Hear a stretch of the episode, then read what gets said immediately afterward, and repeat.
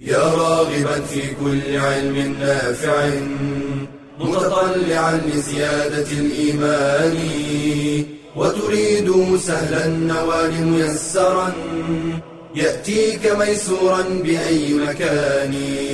زاد زاد أكاديمية ينبوعها صاف صاف ليروي غلة الظمآن.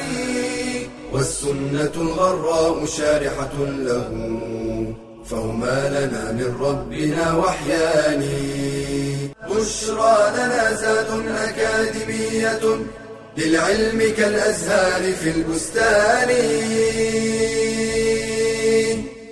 بسم الله الرحمن الرحيم. الحمد لله رب العالمين والصلاة والسلام على أشرف المرسلين نبينا محمد صلى الله عليه وعلى آله وصحبه وسلم تسليما كثيرا أما بعد سلام الله عليكم ورحمته وبركاته حياكم الله بياكم وجعل الجنة مثوانا ومثواكم ولقاء يتجدد في مادة الحديث الشريف مع الحديث التاسع بإذن الله سبحانه وتعالى.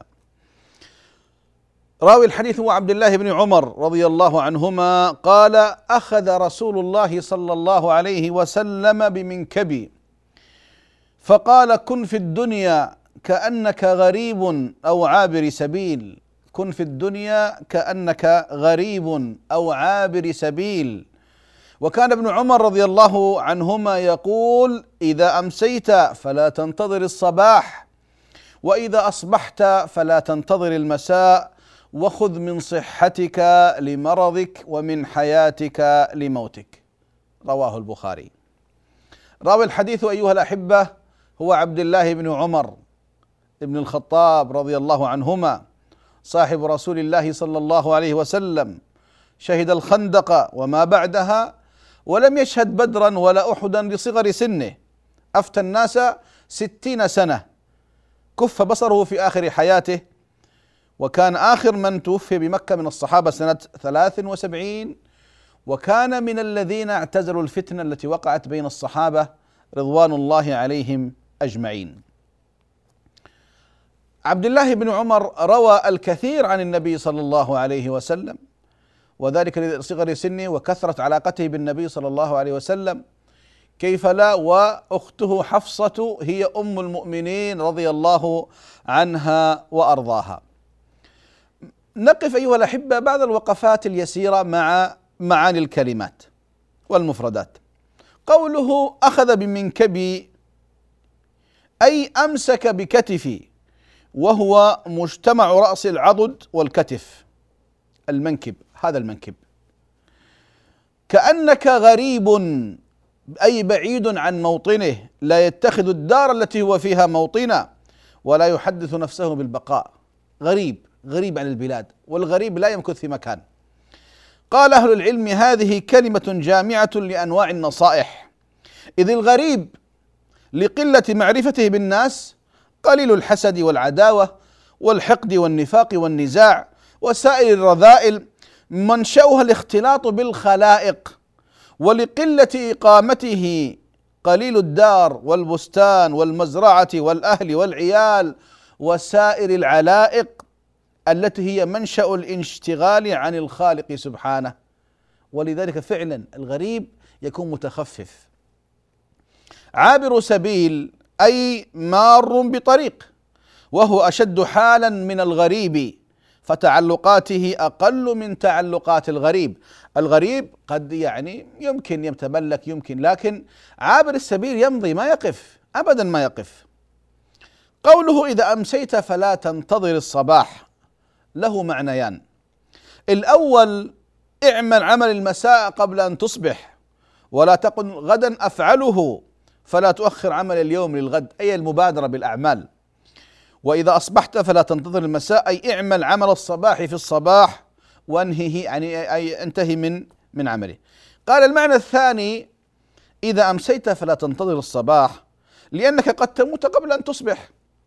وإذا أمسيت فلا تنتظر المساء لانك لأنك قد تموت قبل أن تمسي. وقوله من حياتك لموتك أي اغتنم أيام حياتك التي تنفعك عند الله تعالى بعد موتك.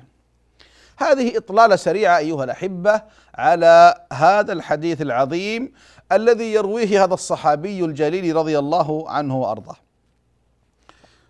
هذا الحديث أيها الأحبة لنا فيه وقفات. الوقفة الأولى حرص النبي صلى الله عليه وسلم على تعليم الصحابة وخاصة الصغار. خاصة الصغار الصغير سوف يكبر. والصغير أكثر حملا للعلم وأكثر حفظا وأكثر تقبلا. ولذلك رأينا النبي صلى الله عليه وسلم يهتم بصغار الصحابة. أبو سعيد الخدري رضي الله عنه وارضاه جابر بن عبد الله رضي الله عنه وارضاه عبد الله بن عمر عبد الله بن عمرو بن العاص أنس بن مالك عبد الله بن عباس رضي الله عنهما. فنجد أن النبي صلى الله عليه وسلم يهتم كثيرا بالصغار اولا لأن الاهتمام بهم يعطيهم في أنفسهم ثقة. وأيضا يحملون عن النبي صلى الله عليه وسلم العلم. وكم حمل هؤلاء الأسماء التي ذكرت لكم؟ كم حملوا من العلم وأبلغوه للأمة؟ معاذ بن جبل رضي الله عنه وارضاه زيد بن ثابت رضي الله عنه وارضاه أبي بن كعب. الشاهد أيها الأحبة كثير من الصحابة صغار السن حملوا العلم وبلغوه للأمة. ولذلك كان صلى الله عليه وسلم يهتم بالصغار. وهذا أيضا درس لنا نحن جميعا أن نهتم بالصغار ولا نهمشهم في حياتنا ولا في تعليمهم. هذا الصغير غدا سيكبر وسيتذكر بعض الأفعال. أحد الصحابة يقول أتذكر مجة مجها رسول الله صلى الله عليه وسلم في وجهي من الماء. النبي صلى الله عليه وسلم أخذ في فمه ماء ثم مجه في وجه هذا الطفل الصغير. يداعبه ويلاعبه.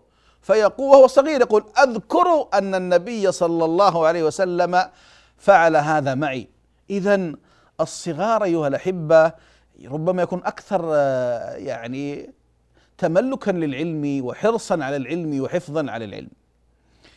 الدرس الثاني والمهم جدا أيضا أهمية القرب الجسدي والنفسي من أبنائنا ومن الصغار. انظر ما نسي عبد الله بن عمر مسكة النبي صلى الله عليه وسلم له من منكبه. وهذه تعد فخرا. تعد فخرا الإنسان يفتخر بها.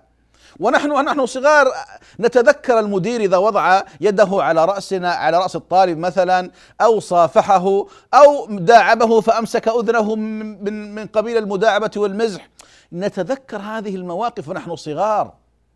ولذلك علماء النفس الآن يؤكدون على قضية القرب الجسدي من أبنائنا. يعني قضية ضم الطفل إلى صدرك يا أيها الأب أو أيتها الأم. احرص أو احرصي على أن تضم أبنائك أو أبنائك إلى إلى صدرك. وقالوا أن الطفل يحتاج في اليوم قرابة عشرين إلى أربعين مرة أن الأب أو الأم يضمه إلى صدره. هذه حاجة وضعت في نفوس أطفالنا وأبنائنا. ولذلك النبي صلى الله عليه وسلم يأخذ بكتف أو بمنكب آه، عبد الله بن عمر وينصحه هذه النصيحة فلا تزال تؤثر النصيحة القولية وأيضا الفعل الذي فعله النبي صلى الله عليه وسلم. ولذلك جاء الإسلام امسح على رأس اليتيم. أتحب أن يلين قلبك وتدرك حاجتك؟ قال امسح على رأس اليتيم. هكذا وأحسن إليه هكذا يقول صلى الله عليه وسلم. ولذلك يقولون تقارب الجنوب ها يدل على تقارب القلوب. دلالة أن حرص النبي صلى الله عليه وسلم على عبد الله بن عمر وكان يقول نعم الرجل عبد الله لو كان يقوم من الليل. فما ترك قيام الليل ابدا عبد الله بن عمر رضي الله عنهما وأرضاهما. ولذلك أخذ العلم من رسول الله صلى الله عليه وسلم فترك الفتنة التي وقعت بين الصحابة ولم يشارك فيها لا من قريب ولا من بعيد. وذلك امتثالا لتربية النبي صلى الله عليه وسلم. فاصل أيها الأحبة الأفاضل ثم نعود إليكم بإذن الله تعالى.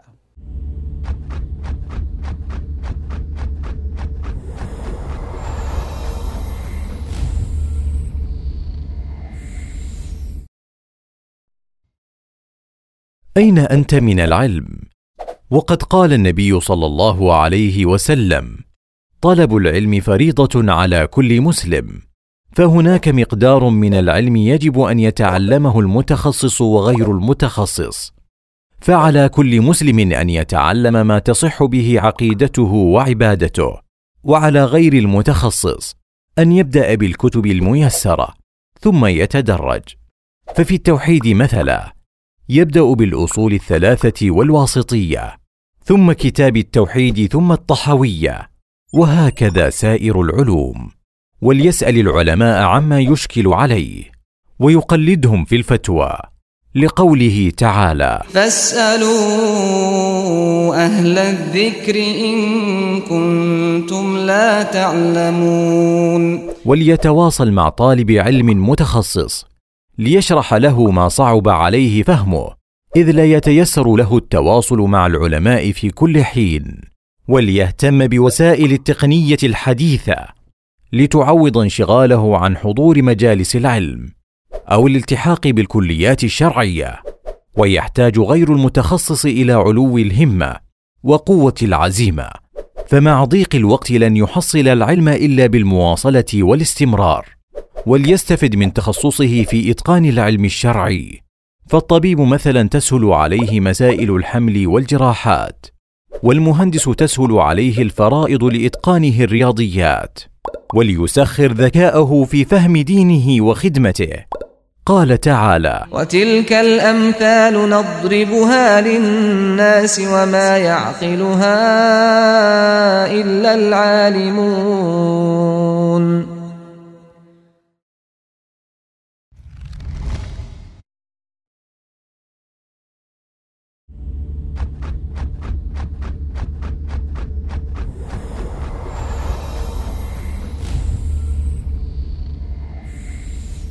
بسم الله الرحمن الرحيم الحمد لله والصلاه والسلام على رسول الله وبعد ما زلنا في هذا الحديث العظيم الشريف الكريم النبي صلى الله عليه وسلم يمسك بمنكب عبد الله بن عمر ويقول كن في الدنيا كانك غريب أو عابر سبيل نصيحه اي نصيحه وممن من رسول الله صلى الله عليه وسلم الذي لا ينطق عن الهوى.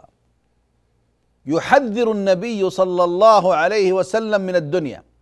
ومر معنا في لقاء سابق أيها الأحبة كيف التحذير من الدنيا وعدم التعلق بها وعدم الانشغال بها وعدم السعي خلفها. يا دنيا يا غرور غري غيري فقد طلقتك ثلاثا. هكذا كان يقول علي رضي الله عنه ارضاه وكان صلى الله عليه وسلم حينما يحذر من الدنيا يا احبابي هو ضرب أروع الأمثلة في هذا الباب.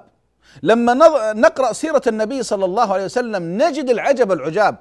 كيف أن النبي صلى الله عليه وسلم ترك الدنيا وزينتها وملذاتها وشهواتها ولم يسعى خلفها. فهو حينما أمر بأمر أيها الأحبة لم يخالفنا. والله ما أمر النبي صلى الله عليه وسلم بأمر إلا وكان هو من أعظم المتمسكين بهذا الأمر. فعلا أو تركا. لأنه هناك من يأمرك بأمر ويخالفك. يخالفك عن أمر ويذهب إليه. فيسمع عند الإنسان شيء من التشتت. أما رسولنا صلى الله عليه وسلم فإذا أمر بأمر كان من أسرع الناس إليه. وإذا نهى عن أمر كان من أبعد الناس عنه. ولذلك لما نقرأ سيرة النبي صلى الله عليه وسلم وبعده عن الدنيا ما لي وللدنيا ما أنا إلا كراكب استظل تحت ظل شجرة ثم راح وتركها. يأخذ بيد بيد أبي ذر رضي الله عنه وارضاه قال يا أبا ذر أترى جبل أحد؟ قال نعم. قال والذي نفسي بيدي لو كان عندي مثل جبل أحد ذهب. الله أكبر جبل أحد يا أحبابي ثلاثة ونصف في سبعة ونصف ثلاثة كيلو ونصف سبعة كيلو ونصف ذهب. يقول ما أحببت أن يمر علي ثلاثة أي ثلاثة أيام وعندي منه شيء إلا شيء أدخره للدين. اذا حرص النبي على البعد عن الدنيا. يدخل عليه عمر وقد أثر الحصير في جنبه فيبكي. ما لك تبكي يا عمر؟ قال كسرى وقيصر ينامون على الديباج والحرير وأنت رسول الله تنام على الحصير. قال وفي شك أنت يا ابن الخطاب. أما ترضى أن تكون لهم الدنيا ولنا الآخرة؟ الله أكبر. هذا المقياس الحقيقي. هذا المقياس الحقيقي. وأيضا لا يفهم من كلامي وأنا أؤكد أن الدنيا لا تذم لذاتها ولا تمدح لذاتها لكن الإنسان ينبغي أن ينتبه منها. هي زاد للآخرة. الدنيا ملعونة. ملعون ما فيها إلا ذكر الله وما والاه أو عالما أو متعلما هكذا يقول صلى الله عليه وسلم. ولذلك يقول ازهد في الدنيا يحبك الله وازهد فيما عند الناس يحبك الناس. اذا لا ننغر بها لا ننغر بها. والنبي لما حذر هو يعرف قيمتها. لو كانت الدنيا تعدل عند الله جناح بعوضة ما سقى منها كافرا شربة ماء. حب الدنيا رأس كل خطيئة. ولذلك قال كن في الدنيا كأنك غريب. إذا النبي صلى الله عليه وسلم يحذر من الدنيا مع أن الله عز وجل أحبتي في الله عرض عليه الخلود في الدنيا وأن يعطيه مفاتح كنوزها الخلد فيها والجنة أو لقاءه والجنة. ماذا اختار صلى الله عليه وسلم؟ قال بل الرفيق الأعلى بل الرفيق الأعلى بل الرفيق الأعلى. مع أن الله خيره أن يخلده الله في الدنيا. أن يقلب له الجبال ذهبا أن يعطيه مفاتح خزائن الأرض يخلد فيها. والجنة قال لا بل الرفيق الأعلى. فاختار ما عند الله. إيش الدنيا هذه؟ ما قيمتها؟ لا قيمة لها. إذا لا بد أن نعرف قدرها أيها الأحبة. ولذلك يقول كن في الدنيا كأنك غريب. ما هو ما هي صفات الغريب أيها الأحبة؟ غريب عن بلاده يذهب فتجد دائما تجد الغريب إنسان متحسس دائما آه، يراقب نفسه يراقب أفعاله لا يعني لا يحمل شيء في دائما يحاول أن يكون في, في كما يقولونه في الطريق السليم. لا يشغل نفسه بترهات ولا بمشاكل ولا بأمور ولا بعلائق. هو غريب. هو غريب عن هذا البلد ولذلك تجد الغريب دائما يتحفز ودائما يحذر ودائما بعيد عن أي شبهة أو أي أمر قد والعياذ بالله يجر إليه بلاء أو فتنة أو أو أو عيبا حتى. ولذلك الغريب تجد دائما حتى الغريب دائما تحصله يعني تجد إنسان آه، ربما كان يعني آه، ضعيفا أو ربما كان مستكينا أو ربما لا لا ينظر إلى ما عند الناس ولا غريب. يقولون في الأمثال يا غريب خلك أديب. ولذلك كن في الدنيا كأنك غريب. هذه الدنيا ليست دارك. خذ منها بقدر حاجتك. خذ منها بقدر ما يكفيك. لا تحمل نفسك ما لا تحتمل. أنت غريب عنها. هذه ليست دارك. دارك الجنة بإذن الله تعالى. ولذلك الغريب دائما يحذر متوجس يخاف من أي أمر قد يعيق عن إكمال رحلته التي يريدها أو العودة إلى وطنه الذي خرج منه. ولذلك كن في الدنيا كأنك غريب. قال أو عابر سبيل. الله أكبر. عابر السبيل إنسان ماشي في طريق مسافر يمر على قرية أو على بلد أو على مكان فتجده يحافظ على كلامه وعلى أفعاله وتجده في عجلة من أمره ما عنده وقت يضيعه هو في هذا الطريق عنده أعمال يقوم بها. ما عنده استعداد أن يضيع وقته وجهده وماله وفكره وعافيته في أمور أو في مكان ليس له فيه حاجة. فتخيل لما يكون هذا غريب وعابر سبيل. أنت في هذه الدنيا يا عبد الله أنت في هذه الدنيا يا أمة الله أنتم غرباء في هذه الدنيا. عابري سبيل فقط. هذه الدنيا ممر والآخرة مقر. ولذلك المسلم والمسلمة عليه أن يفهم قيمة الدنيا أن ينتبه الا ينشغل فيها. تنشغل بماذا؟ يا أخي يعني الدنيا مهما عشت فيها ستموت. مهما آه، أخذت من الصحة ستمرض. مهما جمعت من المال سيفنى. اذا عليك أن أن تعد العده للدار الآخرة. دخل رجل على أبي ذر فرأى بيته ما في شيء. قال أين متاعك يا أبا ذر؟ قال لي بيت آخر أرسل إليه المتاع يعني الدار الآخرة. قال لم لا تستبقي شيء عندك؟ قال صاحب البيت لا يدعنا. صاحب البيت لا يدعنا. كيف كان عنده من الفقه أن هذه الدنيا إنها هي اختبار. إن أمامنا عقبة كؤود ولا يجاوزها إلا المخف. هكذا كان الصحابة رضوان الله عليهم. الإمام أحمد رحمه الله يقول طعام دون طعام ولباس دون لباس حتى نلقى الله سبحانه وتعالى. ولذلك أيها الأحبة العاقل العاقل ينتبه ينتبه من قضية الركون للدنيا. انتبه. هي الدنيا تقول بملء فيها حذاري حذاري من بطشي وفتكي فلا يغرركم مني ابتسام فقولي مضحك والفعل مبكي. ماذا فعلت الدنيا؟ بمن هم قبلنا. بالأقوام وبالملوك وبالسلاطين وبالجيوش وبكذا وبكذا. ذهبوا. ولذلك العاقل يعرف قيمة الدنيا. وأنها لا تعدل عند الله جناح بعوضة. لو كانت الدنيا تعدل عند الله جناح بعوضة ما سقى منها كافرا شربة ماء لكنها ما تعدل. إن مثل الدنيا في الآخرة كمثل أحدكم يضع إصبعه في اليم فلينظر بماذا يرجع. لموضع صوت أحدكم في الجنة خير من الدنيا وما عليها. لا أن أقول سبحان الله والحمد لله ولا إله إلا الله والله أكبر. أحب إلي من الدنيا وما عليها مما طلعت عليه الشمس. هذه قيمة الدنيا في المعيار الحقيقي من النبي صلى الله عليه وسلم. ولذلك الله حذر فلا تغرنكم الحياة الدنيا ولا يغرنكم بالله الغرور. انتبه يا عبد الله. نحذر أيها الأحبة. ماذا فعلت الدنيا بالآخرين بالناس بالسابقين؟ أليس لنا فيهم أسوة أو عبرة؟ ولذلك بعض الناس يعمل من أجل الدنيا يحب من أجل الدنيا يتزوج من أجل الدنيا يصاحب من أجل الدنيا. ثم ماذا؟ ثم ماذا يا عبد الله؟ في النهاية تلك الحفرة ستدخلها كما خلقت يا عبد الله. ولذلك أحبتي في الله لا بد أن ننتبه لا بد أن نحذر لا بد أن نعرف قيمتها. هذه الدنيا هي مزرعة للآخرة. هذه الدنيا مزرعة للآخرة. من عمل فيها صالح من سابق فيها كانت المحصلة عظيمة.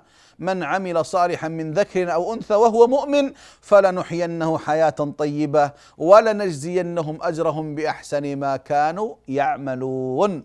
فلننتبه أيها الأحبة هي ممر وليست مقر. فاصل ثم نعود إليكم بإذن الله تعالى.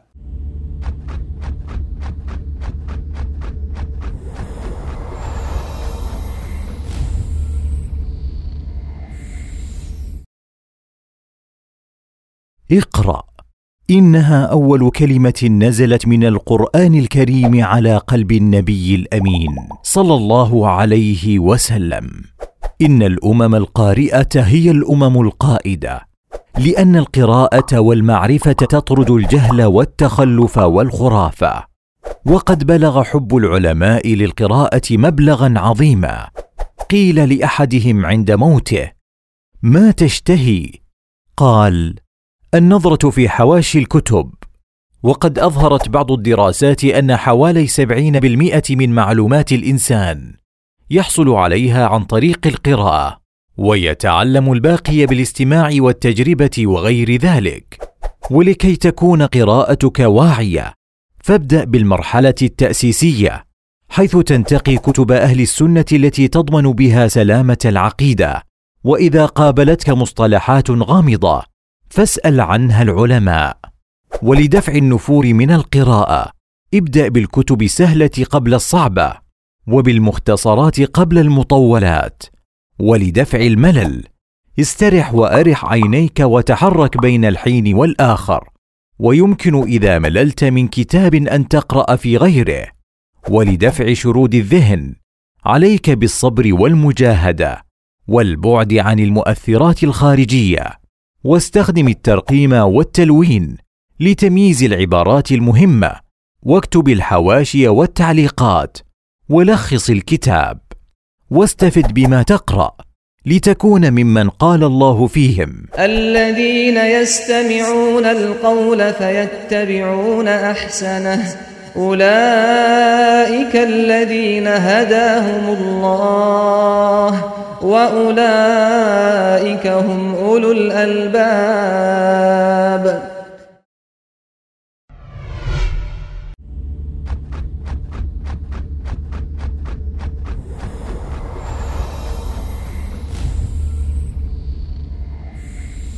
بسم الله الرحمن الرحيم. الحمد لله رب العالمين والصلاة والسلام على أشرف المرسلين نبينا محمد صلى الله عليه وعلى آله وصحبه وسلم تسليما كثيرا. وبعد أيها الأحبة فما زلنا مع هذا الحديث العظيم. قال طبعا ابن عمر أيها الأحبة يعني وعد درس جيدا وعد درس جيدا وعد تلك النصيحة العظيمة كن في الدنيا كأنك غريب أو عابر سبيل ولذلك ابن عمر أخذ هذه الوصية وكان يوصي الناس. فكان يقول إذا أمسيت فلا تنتظر الصباح وإذا أصبحت فلا تنتظر المساء وخذ من صحتك لمرضك ومن حياتك لموتك. الكلام هذا ما يأتي من فراغ أيها الأحبة. هذا الكلام يأتي من تربية عظيمة جدا من النبي صلى الله عليه وسلم. إذا أمسيت فلا تنتظر الصباح وإذا أصبحت فلا تنتظر المساء. بمعنى أن الإنسان يكون قصير الأمل.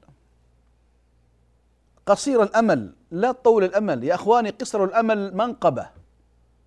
منقبة قصر الأمل منقبة. وطول الأمل مفسدة. الإنسان حينما يقصر أمله أيها الأحبة يبادر بالعمل يبادر بالطاعة يبادر بالقربة يبادر بقضاء ديون الله اولا ثم ديون الناس ثانيا. ما عنده وقت فراغ. ما عنده وقت يضيعه. ما عنده انشغال بالتفاهات وسفاسف الأمور. هو عنده ربما أموت الآن ربما أموت بعد قليل. ولذلك السلف يعني ضربوا أروع الأمثلة في هذا الباب. يعني أذكر قرأت قصة عن ثلاثة من السلف. كل واحد يتكلم عن عن يعني عن أمله. بعضهم يقول إذا صليت الفجر فأستبعد أن أصلي العشاء. قالوا أنت طويل الأمل. أنت طويل الأمل. وقال أحدهم إذا توضأت لا أضمن هل أصلي أم لا أصلي؟ قالوا أنت طويل الأمل. قال الثالث وأما أنا فإذا أخذت النفس فلا أضمن هل سيخرج أم لا يخرج. قالوا أنت أنت. أنت أنت. انظر ايها الاحبه كيف قصر الأمل. يجعل الإنسان يبادر في العمل. وطول الأمل والعياذ بالله. والنبي صلى الله عليه وسلم ذكر هذا أن من أسباب هلاك الأمة في آخر الزمان طول الأمل. طول الأمل. ولذلك أحبتي في الله الإنسان ينبغي أن يسابق الزمان. أنت ما لا تعلم متى تموت متى تقبض روحك. حتى إذا جاء أحدهم الموت قال رب ارجعون لعلي أعمل صالحا فيما تركت. كلا إنها كلمة هو قائلها ومن ورائهم برزخ إلى يوم يبعثون. فلنبادر أيها الأحبة. فإن الراحة لا تنال بالراحة. ولذلك الإنسان يحرص أن يبادر. إذا أمسيت فلا تنتظر الصباح وإذا أصبحت فلا تنتظر المساء. اذا عليك بالمبادرة عليك بقصر الأمل عليك بقضاء الحقوق. حق الله اولا وحق الآخرين ثانيا. كن مبادرا. إذا أمسيت فلا تنتظر الصباح إذا أصبحت فلا تنتظر المساء. ابدأ في المبادرة في العمل في قضاء الحقوق في قضاء الديون في المسابقة في العمل الصالح. يا إخواني النبي صلى الله عليه وسلم يقول ما من آه، معنى الحديث يقول ما من رجل يجلس مجلسا لا يذكر الله فيه إلا كان عليه ترة وحسرة يوم القيامة. ترة ترة وحسرة. ولذلك ينبغي أن أن نغتنم الأوقات. قيل لأحد السلف تعال تكلمنا حدثنا. قال أوقف الشمس وأنا أحدثكم. يقول ابن مسعود رضي الله عنه وأرضاه ما ندمت على شيء ندمي على يوم غربت فيه شمسه نقص فيه أجلي ولم يزد فيه عملي. شوفوا الغبن فين والحسرة فين قضية إيش؟ اليوم الذي ينتهي وما تزودت فيه للآخرة. وكان عبد الله وكان عمر بن عبد العزيز رضي الله عنه ورحمه يقول إن الليل والنهار يعملان فيك فاعمل فيهما. يعملان فيك فاعمل فيهما. الليل يسلمك للنهار والنهار لليل وهكذا. ويقول غيره إن الليل والنهار رأس مال المسلم ربحهما الجنة وخسرانهما النار. فنحرص أيها الأحبة على اغتنام الأوقات والمبادرة بالعمل أن نبادر. الإنسان لابد أن يبادر أيها الأحبة فرصة عظيمة جدا أن تغتنم أوقاتك وأن تغتنم أحوالك. كيف أحوالك؟ قال خذ من صحتك لمرضك ومن حياتك لموتك. يا إخواني الأحوال تختلف. يوم أنت في صحة يوم أنت في مرض يوم أنت في فراغ يوم أنت في شغل يوم أنت حي يوم أنت ميت. ولذلك خذ من صحتك لمرضك. إذا جاءت الصحة أقبل على العمل. لا تضيع شيء وأنت صحيح. لماذا؟ غدا ستمرض. وكلنا ذاك الرجل. وبالتالي ستكسل ستتعب. سيفوتك خير كثير. العاقل ينتبه لهذه الصحة. لا تقضيها في النوم وفي الكسل وفي الغفلة وفي التماشي التي ليس لها فائدة. لا لا لا. هذه الصحة اغتنمها قد لا تعود. وقال ومن حياتك لموتك. أنت الآن حي. عندك فرصة للعمل. فرصة للعبادة للصلاة للدعاء للذكر للصدقة لصلة الرحم لكل عمل ما دام أنت حي. إذا جاء الموت انتهت القضية. وحيل بينهم وبين ما يشتهون. ولذلك يقول النبي صلى الله عليه وسلم اغتنم خمسا قبل خمس. اغتنمها.